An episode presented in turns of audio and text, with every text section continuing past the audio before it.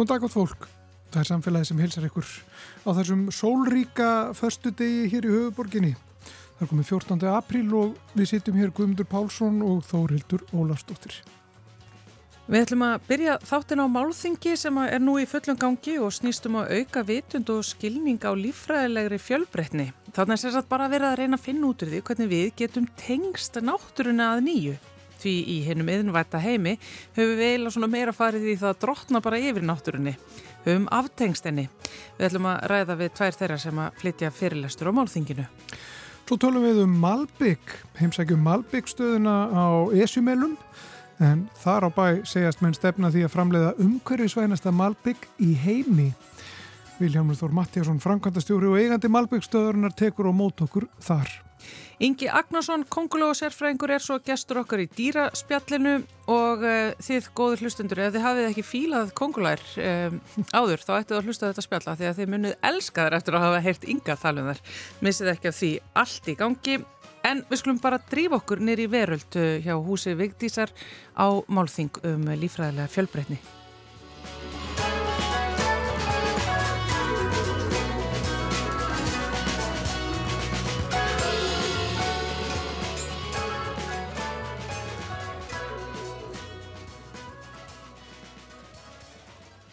Við erum stött á málþingi um náttúru sín á 21. öldinni sem er haldið á vegum Náttúruminnisaps Íslands, ROX rannsóknarsetturs og Biodæs.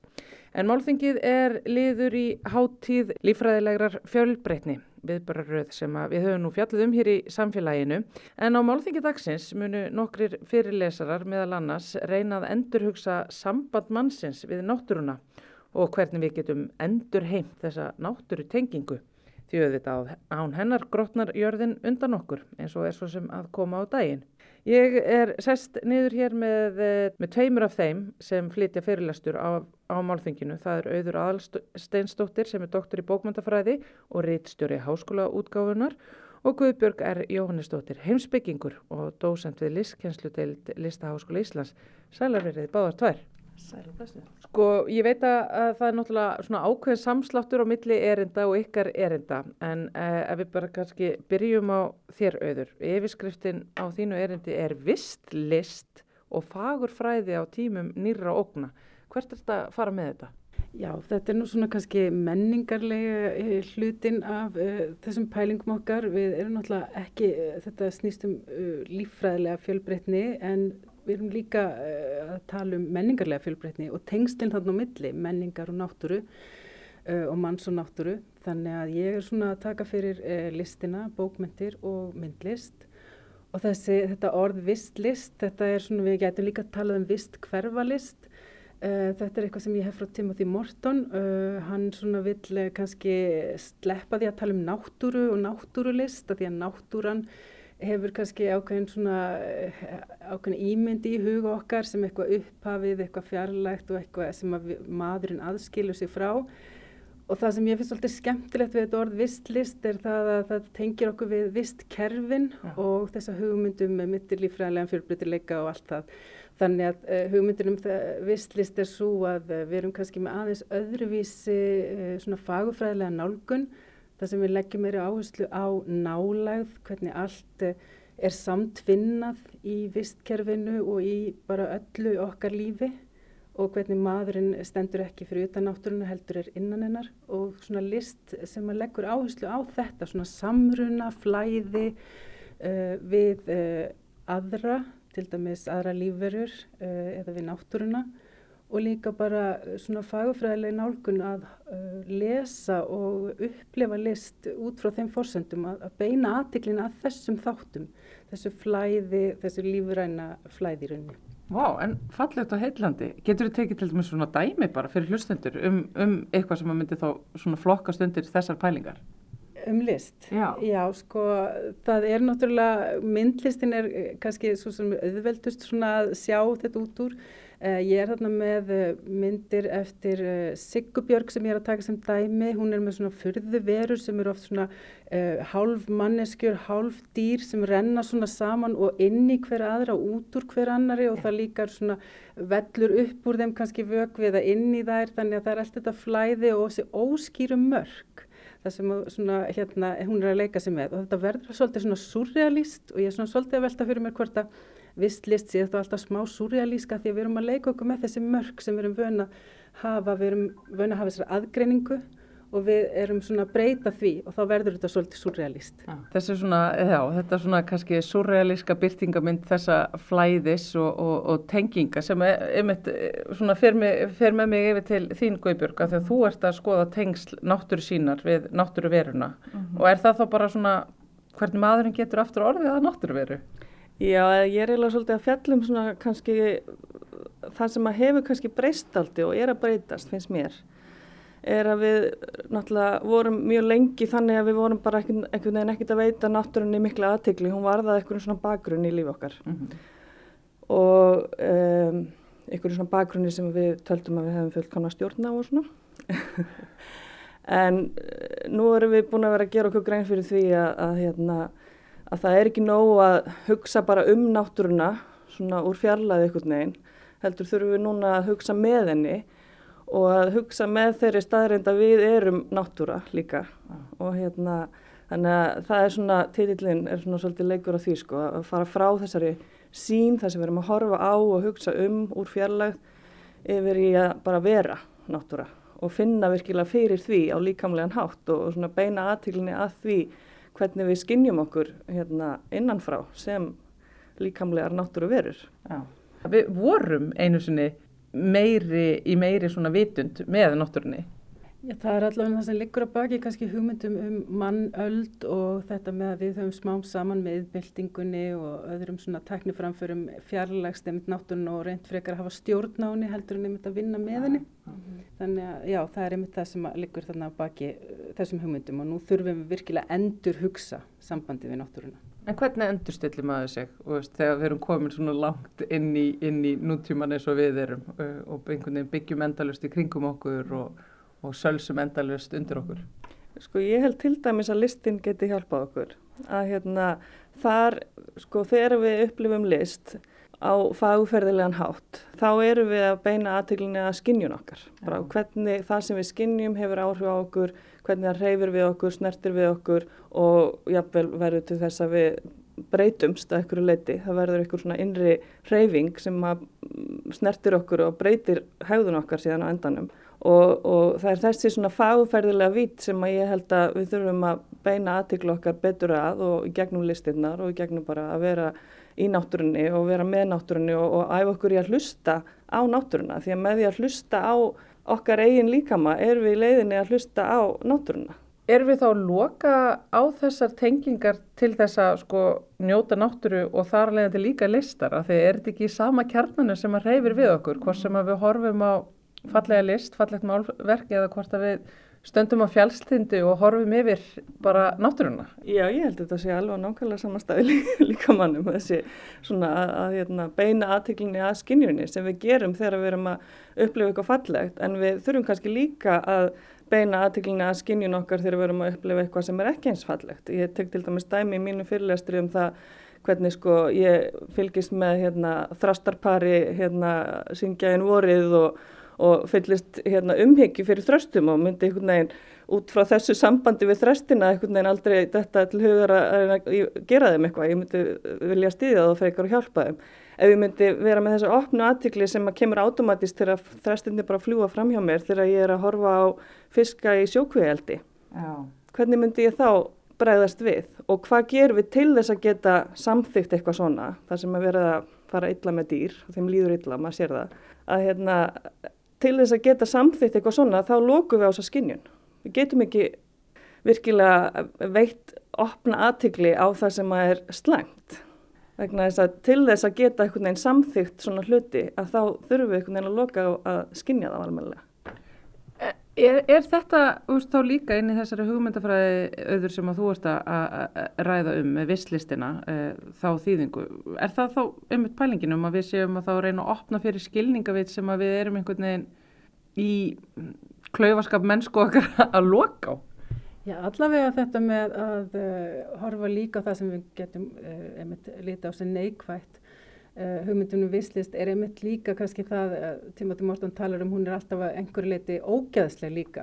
Já. og það er kannski þetta með að við erum líka opinn, sko við erum opinn fyrir heiminum, þá erum við líka opinn fyrir öllum eiturefnunum og öllum uh, síklunum sem koma inn í okkur og, og öllu þessu slæmærunni sem flæðir inn og út og líka því sem okkar eigin mengun og þau spóri sem við setjum á heiminn, við beinum aðtiklinni líka því og það getur verið svolítið erfitt að, að einhvern veginn eh, fara inn í það og það er ekki endil alltaf þægilegt eða fallegt. Og það er kannski annað dæmi er að hérna Hrafkjell Sigursson hefur verið með uh, mjög skemmtileg svona listaverk sem að til dæmis hann hefur verið með ruslapoka sem að stillir upp eins og náttúru eða svona risa ruslarúur uh -huh og plast sem maður flýtur um í vatni og svo framvegis og gerir list úr því og þannig að við erum líka beina aðtiklinni þangað og það er eins og ég segi það er ekki alltaf kannski það sem við erum vöna að kalla fegurð. En svo stundum verður þetta fallegt þannig að þá, það er svona hrærir við okkur. Þetta er svona aðeins setur uh, kannski í uppnám þetta venjulegu kategóriur um það hvað er fallegt og hvað er fegurð og hvað er list. Já En sko þegar við erum að skoða þessa lífræðilegu fjölbreytni sem er náttúrulega þessi hérna, fyrirlestra hátíðaröð sem er hérna, þetta árið og sérstaklega þetta í dag sem er mitt hvernig má endurvekja tengslmannsins og náttúrunnar og það er verið að nálgast út, þetta út frá þessum þverfaglegu eh, leiðum og, og, og, og þessi er svona þessi listrana sín, þessi fagufræðilega sín sem þeir eru báðar að koma þarna inn á uh, er það þá eitthvað sem að er þið þá alltaf búið til af manninum uh, inn í manngerðu umhverfi til þess að reyfa við okkur og viðhalda þessari opnun og, og neyð okkur til þess að meðtaka umhverfið okkar á annan hátt? Já, okkar fagufræðulist er náttúrulega okkar sjónarhóttn í rauninu og ég held að það er sér eitthvað sem við komumst náttúrulega aldrei undan.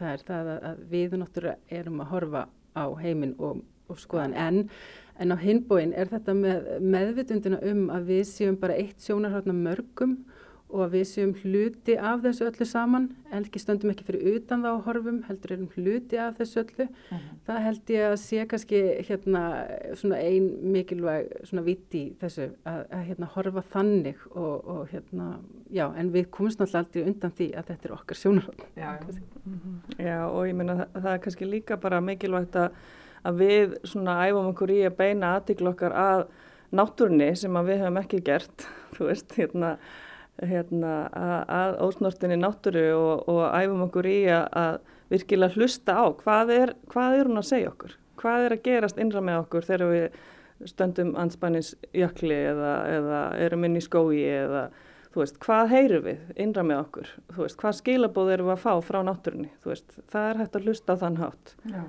við erum hægt að leifa þess að koma til okkar. Mm -hmm. þessari að vera uppnuminn. Mm, og það er náttúrulega líka afleðing af öllu áreitinu sem er á okkur stanslist ja, ja. og hérna ég las grein hérna eftir uh, bandarískan hérna, fræðing sem að var að gera tilrönd með svona einri skinnjun annars vegar í borgarumhverfi og hins vegar út í náttúrinni og þá tók hann eftir því að það var eins og skinnjunin væri svolítið svona lokast þegar hann var í borgarumhverfinu. Þannig að hann var að venda sig fyrir áreitunum. En þegar hann var að gera sömu æfingu, hérna svona skinnjunaræfingu í náttúrunni að þá fann hann hvernig mörkin á milli sín og umhverfisins algjörlega trostnuði upp. Og hann, hann fann hvernig allt opnaðist sko. Þannig að það er þetta sem að, hérna, við þurfum alltaf að veita meiri aðtikli og, og líka að opna skimfarinn. Auðvitað þurfum við stundum að venda okkur fyrir áreitinu en við þurfum líka stundum að taka móti því sem er að gerast í kringum okkur og mm. veita því aðtekli. Sko bara lókum að því að þið eru náttúrulega á leiðinu bara inn á málþengi það er að hefjast hér í, í e, húsi Vigdísar Veröld e, svona er eitthvað sem þið viljið skilja hlustundur eftir með að, að, að eitthvað svona sem við getum eftir okkur á, það er fallegu dagur úti helgi frámyndan mm bara eitthvað svona sem að hver og ein manneska getur pröfa með sjálfu sér uh, ef ég byrja þér auður, set þetta bett á þig? Já, ég, sko, mér þetta nú bara eiginlega helst í huga þetta með uh, þverfaglega samstarfi, þetta með að við getum lært, sko við erum úr hugvísindunum og listunum og, og hérna heimsbyggina, við getum lært svolítið mikið af náttúruvísindunum þar sem hún Guðbjörg var að tala um þetta með að horfa á náttúruna og, og reyna svona að læra það aftur og held, á móti held ég að náttúruvísind getur lært af okkur þetta með hvað áhrif hefur þetta á okkur og hvernig listirna lýsa því. Þannig held þetta með að fá mörg sjónarhórn og reyna einhvern veginn að samin að við þurfum í rauninni að eh, einbytta okkur að þessu öllum sviðum tilverunir. Þannig að við þurfum virkilega að vinna öll saman. Ég myndi kannski bara hérna, bjóða fólki að skinja bara til að skinja og veist, taka eftir skinjun sinni og, og ekki bara hvað er ég að skinja, heldur hvernig er ég að skinja. Og jáfnveil, hvers vegna fekk ég, er þetta inn í mér að skinja, skinja þetta, er ekki tilgangu með því? Já, nákvæmlega. Herðu, mjög aðteklisvert uh, málþingið er að hefjast hér uh, í Vigdísarhúsi og ég ætla að hleypa ykkur inn á það. Þeir eru náttúrulega uh, meðal fyrirlesara hér og fleiri líka. Takk hella fyrir að spjalla við mig. Það er auður aðalsteinsdóttir, doktor í bókmyndafræði og reytistur háskóla útgáfunar og Guðbjörg R. Jóhannesdóttir, heimsbyggingur og dósent við Listaháskóla Íslands.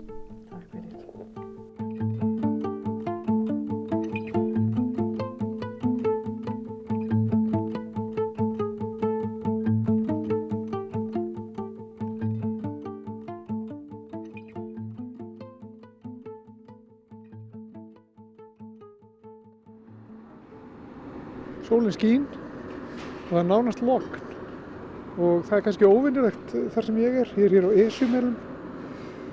Blæs oft hérna daldið hrjuslega en ekki í dag, nú bara skín sólinn og það er bara til dæla hlýtt þannig lagað sko. Og það viðrar vel til uh, malbyggunar og núna er alltaf að fara í gang. Uh, í vor þá má gera ráð fyrir því að, að það veri mikið malbyggað og í sumar Ég er sem sagt stattur uh, við Malbyggstöðuna sem svo er kallið og hjá mér er Vilhjálmur Þór Mattíasson frangværtastjóru og eigandi Malbyggstöðurinnar. Það er alltaf að vera í gang, er það ekki? Það er, það er vertið frá möðan, getur maður ekki sagt það? Já, heldur betur. Nú er loksins sóli farin að skýna og, og, og frostið að minga. Þetta er búið að vera langu vettur að býja eftir að fá að komast í stað og, og er, við erum eins og beljurnar í fjósinu þegar við fórum að komast út á Malbygga og hjá okkur vinna e, e, saman safna ofverkum mönnum með aðtiklispress sem, sem, sem að þurfa að fá reyfingu og, og, og nota líkamann og, og það, það er allir mjög spenntir. Já. Sko þetta er ný stöð og maður sér það. það þetta, er, þetta eru ný tæki hérna og og uh, það er ennþá verið að byggja hérna og smíða og stækka stöðuna. Eh, er þetta, er þetta öðruvísi stöð en, en aðrar? Er, er, svona, er þessar nýju stöðar, er þar, þar öðruvísi? Já, það, sko, það er alltaf framhráðin í þessu eins og, eins og öllu öðru og hérna eh, stöðarnar í dag er orðin miklu fullkomna þegar það voru og, og alltaf eh, mikið tölvustýrt og flottum búnaði sem að gera hitt og gera þetta og og það sem var eh, nýtt fyrir tíu árum í þeim heimi er orðið ansið gammalt þannig að við erum mjög stolt að vera með svona nýja stöð og, og það sem er mest eh, öðruvísið þessa stöð að við lögum strax á uppæði eh, áherslu á, á endurvíslamálinn og umhverfismálinn þannig að uppbyggingin en væri í þá áttina ekki, ekki sem ekki einblýna á veljan gamaldags framleiðslu sem var knúin áfram að, að vera sem hagkamust og, og skila sem mest í byttuna en, en, en hérna e, sko, og vinna alltaf úr slunkunni í hráfni sem er, sem er sko auðvildast sko. mm. Þannig að þið eru hér að enduruna margir, þið eru rauninni bara upp á þessu marki ákveði hlutfalla af því sem að því hráfni sem þið notið er endurunni Malbygg, það er Malbygg sem er búið að fræsa upp á gödunum eða fellur til framkvæmdir eða eitthvað slíkt. Já, nákvæmlega. Og eitthvað þarf að gera við þetta efni, það, það gengur ekki að vera alltaf að, að nota nýtt ráefni eh, þetta að því það eru auðlindir sem að dög ekki endalust pluss það að umhverfisáhrifin að því að vera að flytja til landsins endalust af nýju ráefni sem er til staðar uh, á landinu og er verið að reyna að henda og eða, eða kom ekki stað fyrir og, að því að Malbygg er 100% endur nýtalegt tráöfni og það er ekkert það, það er ekkert, ekkert sem skemmist við það þótt að sé búið að leggja það einu sinu það er að leggja það oftur og aftur og aftur. Það, bara, það sem gerist er að steinarnir þeir slitna, þeir minga steinarnir og slitna á nagladekkjunum og sliti. Þannig að þeir eigðast, breytast í svefurigg sem að gerir alla brálaða og en það er samt ekkert að. Og það sem að uh, gerist líka þegar maður er að endur nota malbygg það, það harnar það harnar malbyggi, þetta er eins og með játn sko, það herðist bæði byggi verður harðara og steinefnið. Þetta er svona hittar, kólnar og hittnar það er bara, þetta er svipa lögumál þannig að endurinn í malbygg er rauninni sterkara heldur en heldur en nýtt malbygg en, en samt eru menn svolítið hrættir við þetta sko af því að þeir halda að þetta sé eitthvað ónýtt drass sem við erum að nota sem er bara algjörum miskilningur sko. Hver er uppskriftin að Malbyggi? Uppskriftin að Malbyggi, hún er ekki flókin í grunninn ef maður, ef maður bara svona segir bara svona einfalt frá þessu það er, það er, það er steinefni og, og tjara og svo pluss alls konar uh, viðnáðanarefni og bætiefni til að til að setja svona smá og salt og pipar í, í súpuna þannig að það bara lykti vel og bara uh, virki. Og, en steinefnin eru aðal upp í staðan og, og hérna sem er cirka 94% af uppskriftinni. Og blanda saman eftir ákveðnum stærðum af steinum. Þannig að þeir raðist vel saman. Þá þarf þetta að vera nákvæmlega svona mikið af þessum stærð og svona mikið af hinni stærðinni. Þannig að það myndist ekki holrum á milli og, og þetta falli vel saman og verði svolítið þjætt og gott. Og steinefnin koma annarkort erlendis frá eða frá Íslandi eftir hvað er verið að gera og erlendu steinefnin eru flutt inn hérna stærri vegina til að, að þeir eru harðari og slitna hægar undan nagladekjanum og það eru þessi hvítu steinar sem að keirir á göttunum Hafið þið sem að þið núttum múlið nefna, nefna nagladekki tvísvar á þessum mínútur sem þið erum búin að tala saman hafa, hafa framleitur Malbygg skoðun á nagladekkjum og nótkunn þeirra? sko þau eiginlega Malbyggið alveg rosalega og eins og þegar við erum að vinna með, við vinnum með erlendu sérfræðingum sko sem að aðstofa okkur í alls konar málum og, og, og, og hérna þe sögumir þeir skilja ekki þetta vandamál með nagladekina því það er ekki heima hjá þeim sko mm -hmm. og en eru svo búin að kynast þessu hérna að þetta er bara þetta bara ég getur um Malbyggi sko. Ja, gott er businessin okkar en, en ekki gott upp á Sveiríkið og, og endinguna hmm. þannig að sérstaklega þegar vörubílar eru konur á nagladekk þannig að þeir, þeir slíta svo miklu, miklu hraðar heldur, heldur en fólksbílarnir sko. Sko þegar maður keirir hingað eftir Vestlandsveginum þá er hluti af leiðinni sko steiftur það er, það er steipa hérna á parti bara hérna rétt árum að kemur upp á Malbyggstöðinu það hefur verið hérna í ára tugi er það ekki? Er, er það ekki gott efni til, a, til að leggja, til að keira bíla? Jú, það er, er langt besta efnið. Miklu langt sterkasti veginnir það, það er steipa og sérstaklega að grjótið í steipinu er, er hart.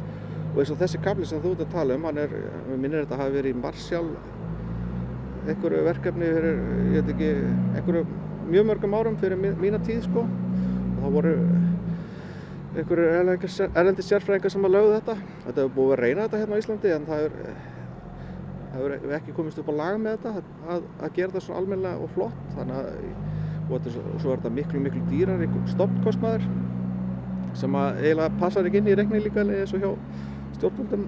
Það hefur verið að plástra, plástra vegina endalist og þá, þá verður þau ekki eigða í, í steifta vegi sko sem er skiljalegt sjálfsögðu. Þú ef þú átt ekki pening til að kaupa Porsche þá kaupur þér frekar skota því að að Porsche sé miklu betri sko. En steipan hún, hún er hann ennþá og það er ennþá keirt á þessari steipu. Fólk átt að sig endilega á því að það sé keira á margra áratöðu gammalli steipu. Nei, nákvæmlega.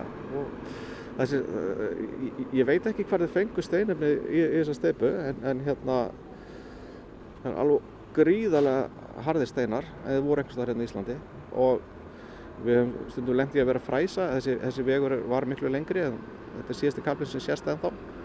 Og þegar við hefum lendið að vera fræsa með fræsarinnum á, á, á þessu steipu þá bara skoppar fræsarinn að því að þetta er svo hart sem að yfirleitt bara getur þetta sko. Þannig að þetta er eitthvað einstaklega vel hefna dæmi. Hmm. Eitt af því sem þið gerir hér er, er að þið, þið fylgist mjög vel með með efninu sem þið notið. Það er hérna bara hreinlega rannsóknastofa uh, á staðnum. Getur samt mér frá því hvað hva ykkur gengur til með það? Sko? Hvað, við komum þann inn og þar var fólk bara með tilrunaglaus og var að velta þeim til og, og leggja mata á innihaldi. Já, nákvæmlega.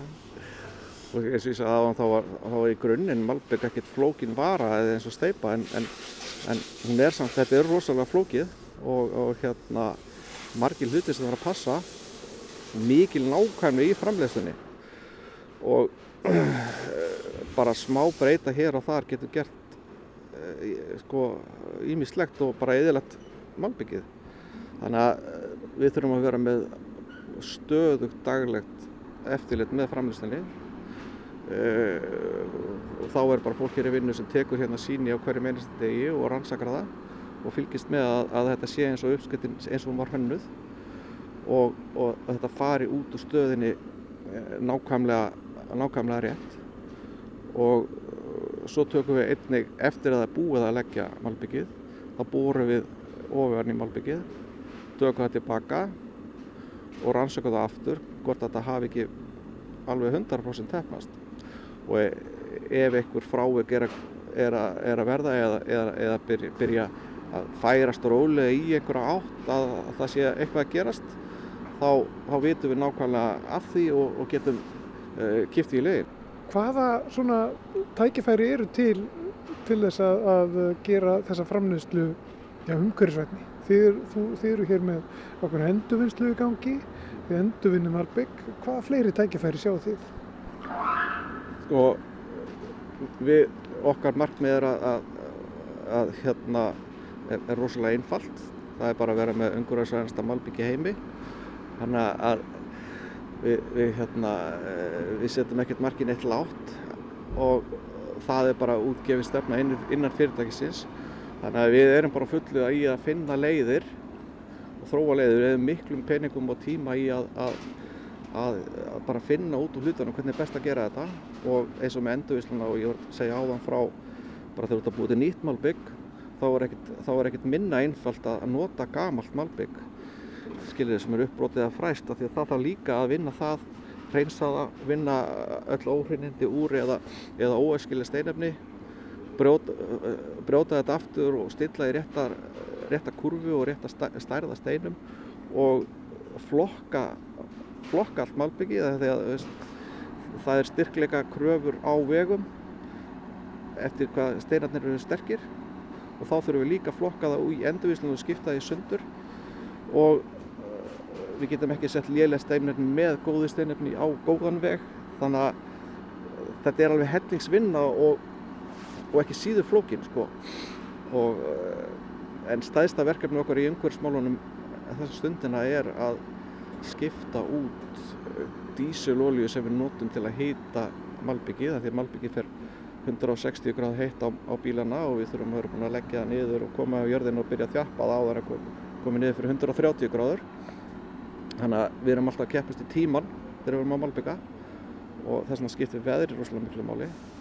En uh, við búum á Íslandi og ef við ætlum að fara eftir bókinni alltaf að það er ekkert að malbygga nema við ákveðin bestu skilir þá er það ekkert malbygga á Íslandi því miður.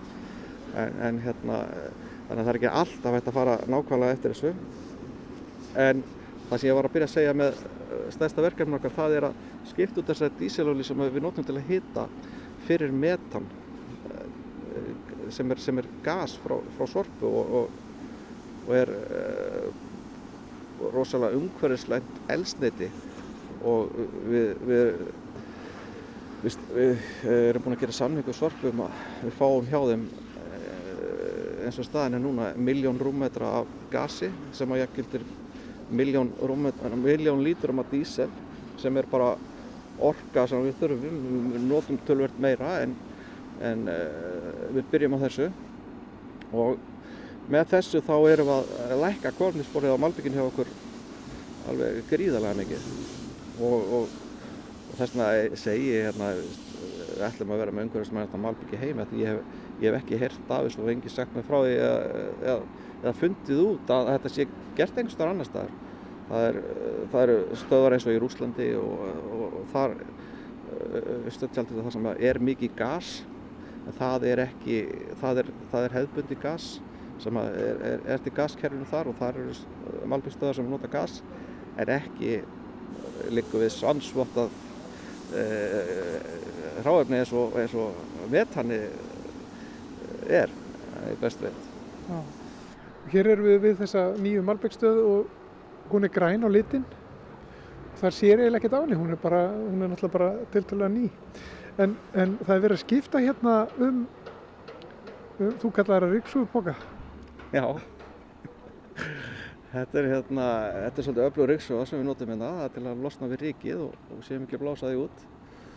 Og þetta er svolítið töluvert öflugur að heldur en heimilisríksúðunar og uh, þetta er svona, ef maður lýsir sér fyrir fólki, þetta er svona risastór gámur að stærð og þar eru stórir, það er 600 mjög stórir ryggsugubokar sem eru hærri en við og sem að passa að, að, að hérna, ríki slepp ekki út.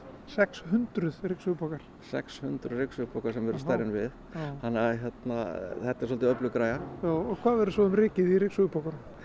Það sapnast niður á, á sníkla og dælt inn í síló það sem það er geimt, sumt að ég nota aftur inn í malbyggið og dælt inn í til að fylla upp í svona ákveðin holrúm.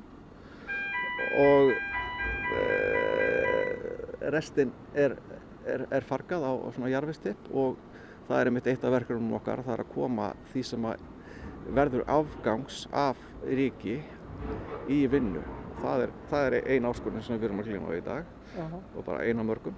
Veistu hvað þið munuð framlega mörg tonn á Malbyggi fyrir þetta sumar?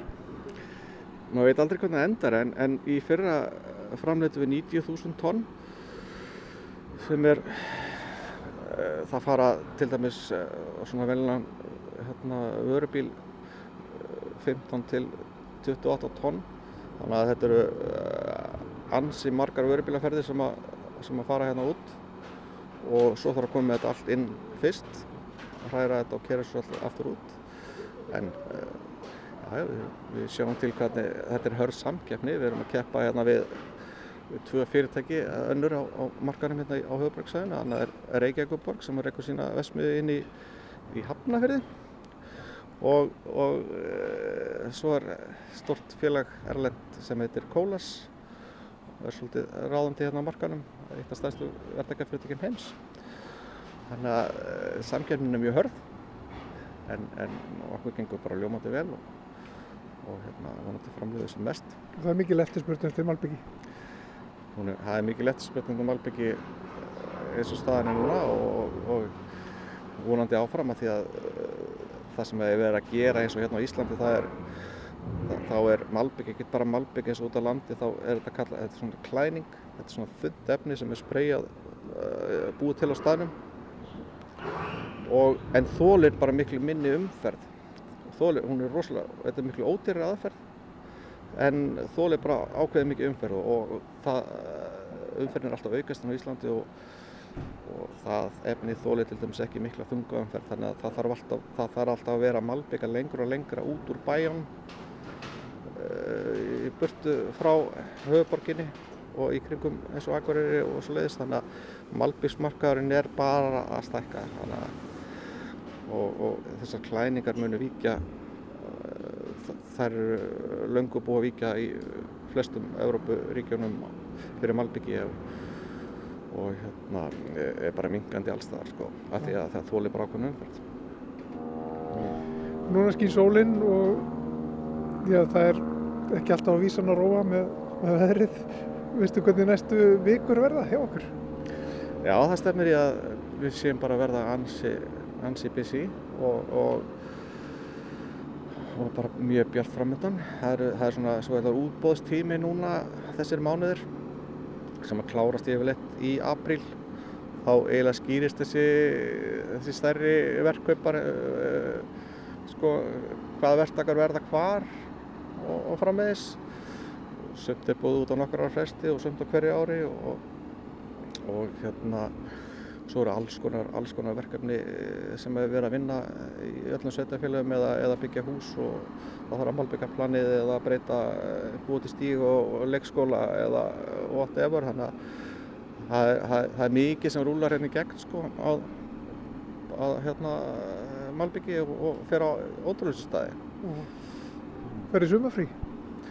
Sko það var, það var, það var alltaf þannig þegar maður er svona með þessi degi fyrirtæki þá, þá var maður alltaf að leysa alla af í sumafríi og, og passa að allt gengi og svo var maður eins og sprungin bladra bara á haustin og leikum maður þurfti bara að liggja í, í rúminu í, í mánuð en hérna þá bara eftir að koma í ljós Sumafríði mitt er auðvitað vetuna. Janúar er svona sumafríði tími minn til dæmis. Þá reynir ég að fara frá það minnstum að vera. Ég slappa bara af. Sko ljúka þessu svona. Vilhelmur Þór Mattíasson, frangværtastjóri og, og heigandi Malbyggstöðurinnar. Takk fyrir að taka á mót okkur og, og, og sína okkur uh, Malbyggstöðuna. Takk fyrir.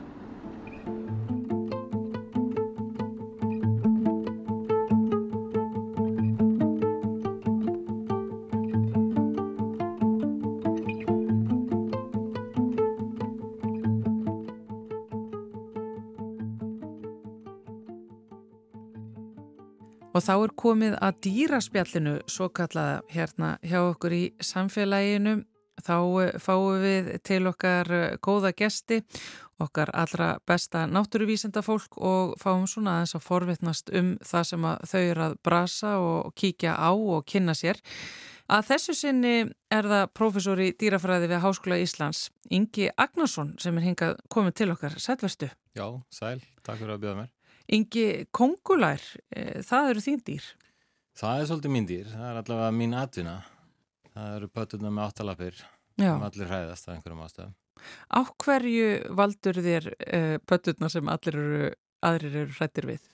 Já, þetta var svona eiginlega tilvílun sko. Ég var fættur náttúrufræðingur, ég var orðin ákvæður um það hvað ég ætlaði að gera við mitt líð þegar ég var feimara.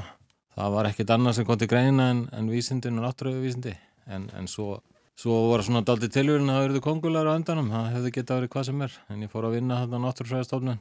Árin ég held út til náms og, var settur í kongularverkefni þar og, og það var ekki aftur snúið erinni.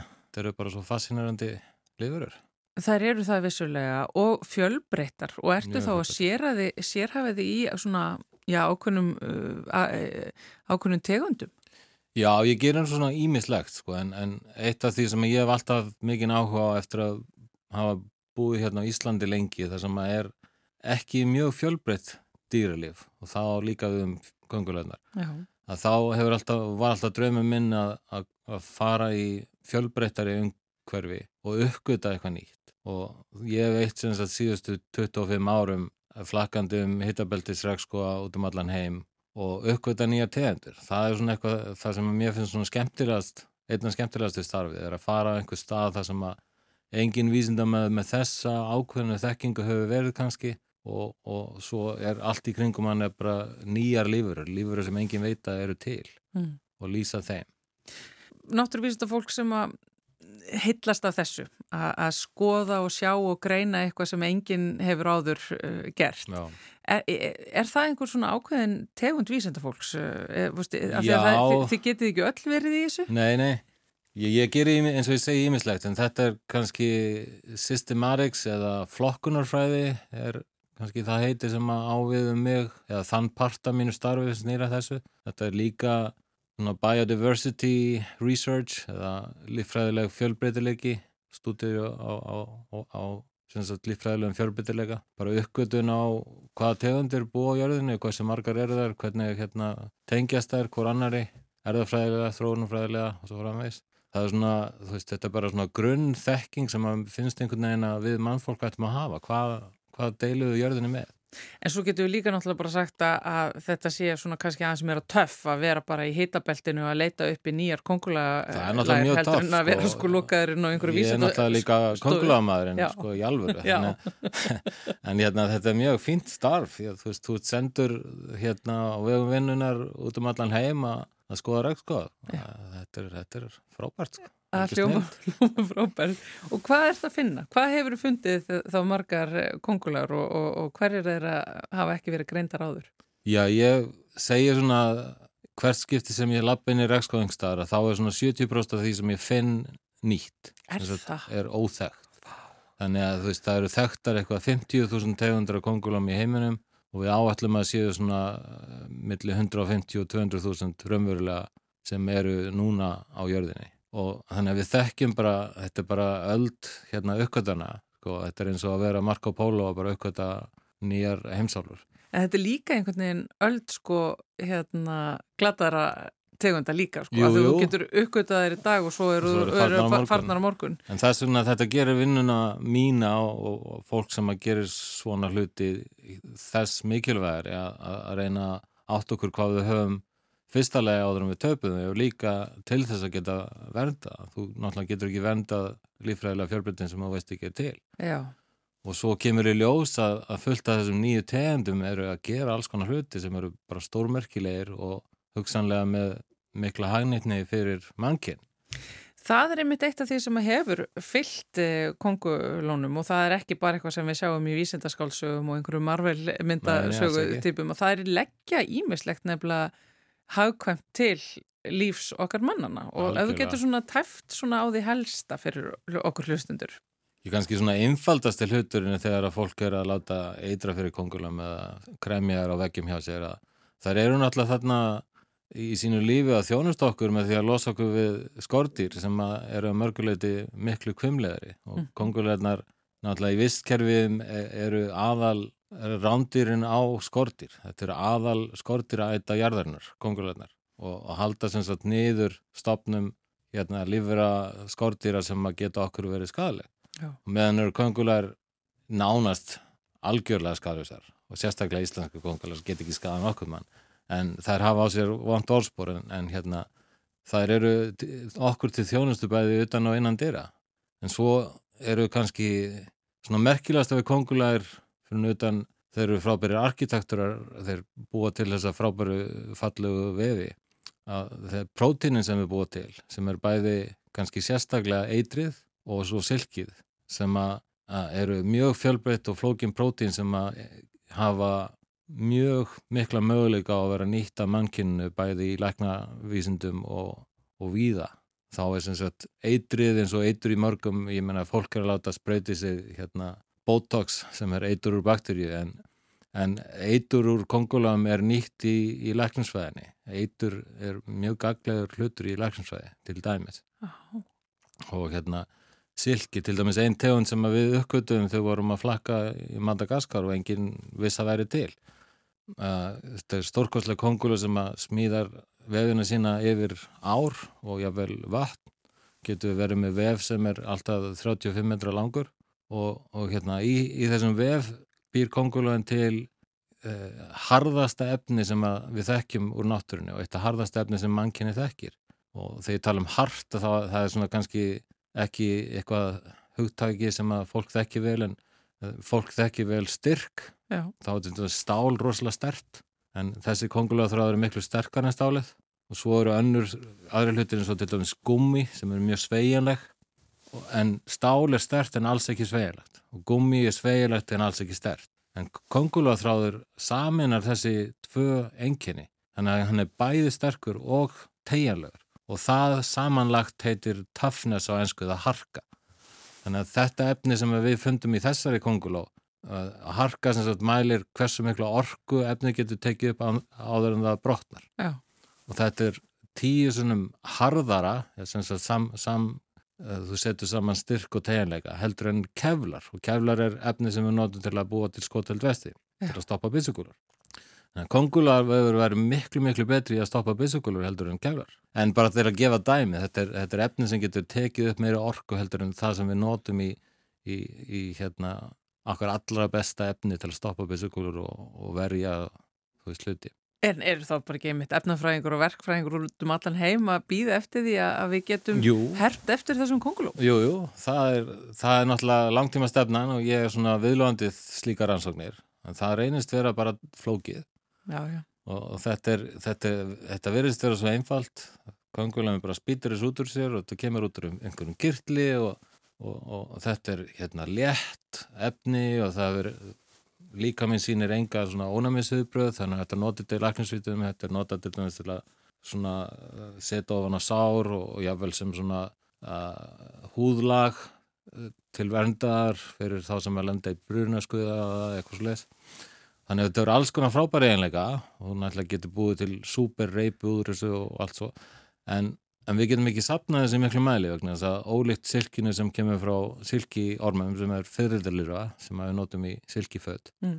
þá býr hver konguló til svo lítið þessu þannig að það er ekki praktíst að sapna þessu þannig að við erum að, að reyna eftir öllum leiðum að, að endur byggja svona silki á rannsóknarstofunni sem sagt Já.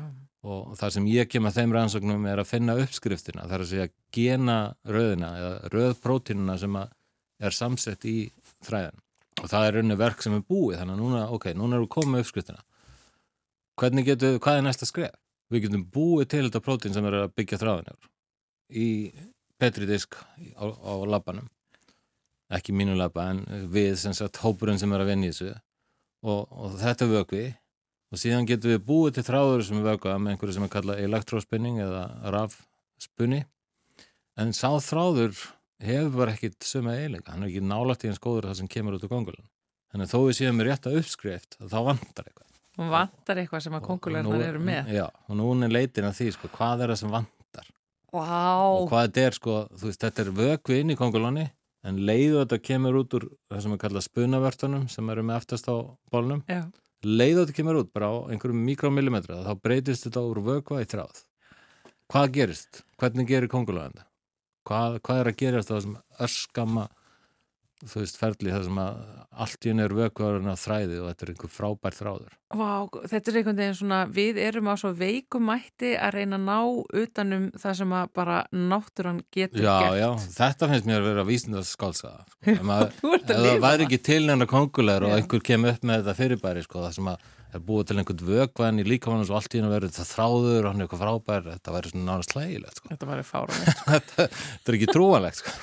En sko, yngi fyrir þig að vera að sinna svona rannsóknum eins og bara þessari vísitaskálsu rannsókn eh, sem eins og þetta er með hérna, þennan þráð og að búa til þetta efni.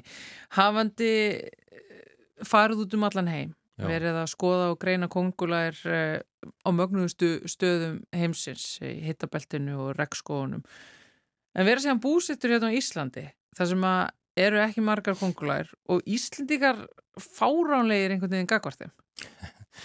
Já, sko, það er all ver- Af því að þú ert mjög fluttur heim. all veröldin fáranlega eitthvað kongulun það, það, það hérna mér finnst þetta reyni kostur sko að vera þar sem að það er lítið af kongulum og, og fólk þekkir það lítið að einhverju leiti vegna þess að, að þá get ég algjörlega aðskilið þetta Mm. Þú veist, þegar ég er hér, þá vinn ég, ég er að kenna, ég vinn í mínum rannsóknum og, og skrifa og sliðis og svo fer ég eitthvað í hittabeltið og þá er allt annar heimur.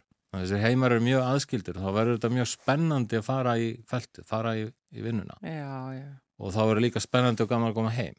Ef ég, ég byggi einhverstaðar í hittabeltinu þá væri þetta einhvern veginn, myndi þetta blanda svolítið saman. Þannig að ég finnst þetta einlega kostur að búa þetta langt frá þeim stöðum sem ég langar að fara á til að, til að vinna þessu vinnu. Já, þannig að þetta er bara, það er fínt að vera á Íslandi sem Já, kongulóð. Íslendingar eru ekki trættari við kongulóð en allar hinnar þjóðina sko. Hefur einhvern tíman, sko, hefur það verið almennilega greint hvort að þetta sé eitthvað svona djúft í genamengin okkar að bregða svona illa við kongulóm eða hvort að þetta sé félagslega mótun bara út af svona dægur menningu sem að hérna lætur kongular oft koma einhvern veginn illa út og okkur bara Já, sko, sagt ég- að vera hrætt við þær. Ég eh, þekki ekki literatúrin um þetta en ég er alveg handið sem að þetta er hvoru tvekja.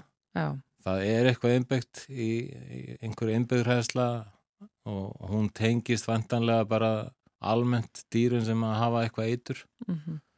Það er eitthvað sem hefur þróast með okkur og er í gerunum en svo er þetta líka kultúr sko, held ég mikið. En, en það er svo, það er svo skrítið, það er svo mikill munur, þú getur verið með einhverja pínuleitla lífveru sem að er hlaupa hratt, þau eru á sexlöpum, það er allt í lagi, svo allt í einhvern átta, þá er allir skýt hræðir. já, Og þú veist, það er einu munurinn sko sem að einstaklingur upplifir. Það er bara tvær ekstra lappir. já. Skortir, flestum er nokk sama og þessi einhver húsfluga flækjast þar getur mér að sjá flóið á þau og allt svona en, en ef það er komnar áttalapir þá er allt í henni allir skítræðir sko. já, já. þetta er, En það er rétt sem þú segir, ég meina hvort viltu frekar vera inn í herbyrgi sem að eru nokkra kongulæri í eða allt fullt af lúsmi, svo ég seti þetta í svona Já, já. íslenska veruleika samhengi. nákvæmlega og föll, fólk er náttúrulega illa við lúsmíða því að það býtur það en, en það myndi sennilega freka velja sko lúsmíði og vera útbyttið daginn eftir heldur en nokkra kongular sem að gera ekki neitt sko. Já, já, sem að myndu og kongularna myndu mér þess að geta á lúsmið, sko.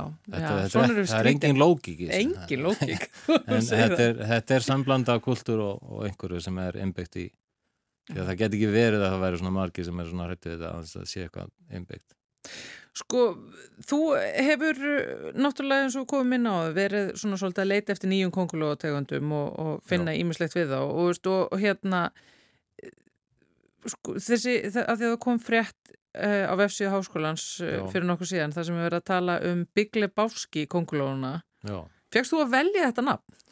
Já það er einn ein kosturum við að vera í sko, partur flokkunarfræðinar heitir nafngiftarfræði. Og það er sem sagt fræðin sem snúða því að lýsa nýjum tegundum.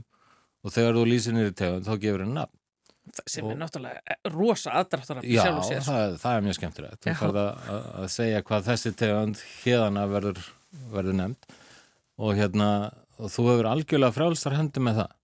Það er að segja að þú, þetta er svona, þetta flokkunarkerfi sem kannski fólk þekkir úr, úr barnaskólanum, það er byggt á linni, Já, svona það sem að það er ríkidæmi og, og svo er hérna ætt og ættkvísl og tegund, þetta er svona hýrarkía að þá kannski finnur þau tegund og hún fellur inn í einhverja ættkvísl. Af því að hún er lík öllum hinnum í sömu ættkvísl þá fær hún það ættkvíslarnafn sem er allar tegundur eins og homo sapiens sem þetta eru tvö nöfn, já, annað er nafn á ættkvíslinni, homo í þessu tilfelli og sapiens er tegundunafni já, og það eru fullt af öðrum tegundins fallin í ættkvísluna homo en þeir eru allar útöður núna eins og neanderdalsmaðurinn og, og svo framvegis. Einmitt. en, en þannig að þeir eru algjörlega frjálsar hendur með hvaða, hvernig þú nota tegundunafni þá getur þú bara gert hvað sem er sko.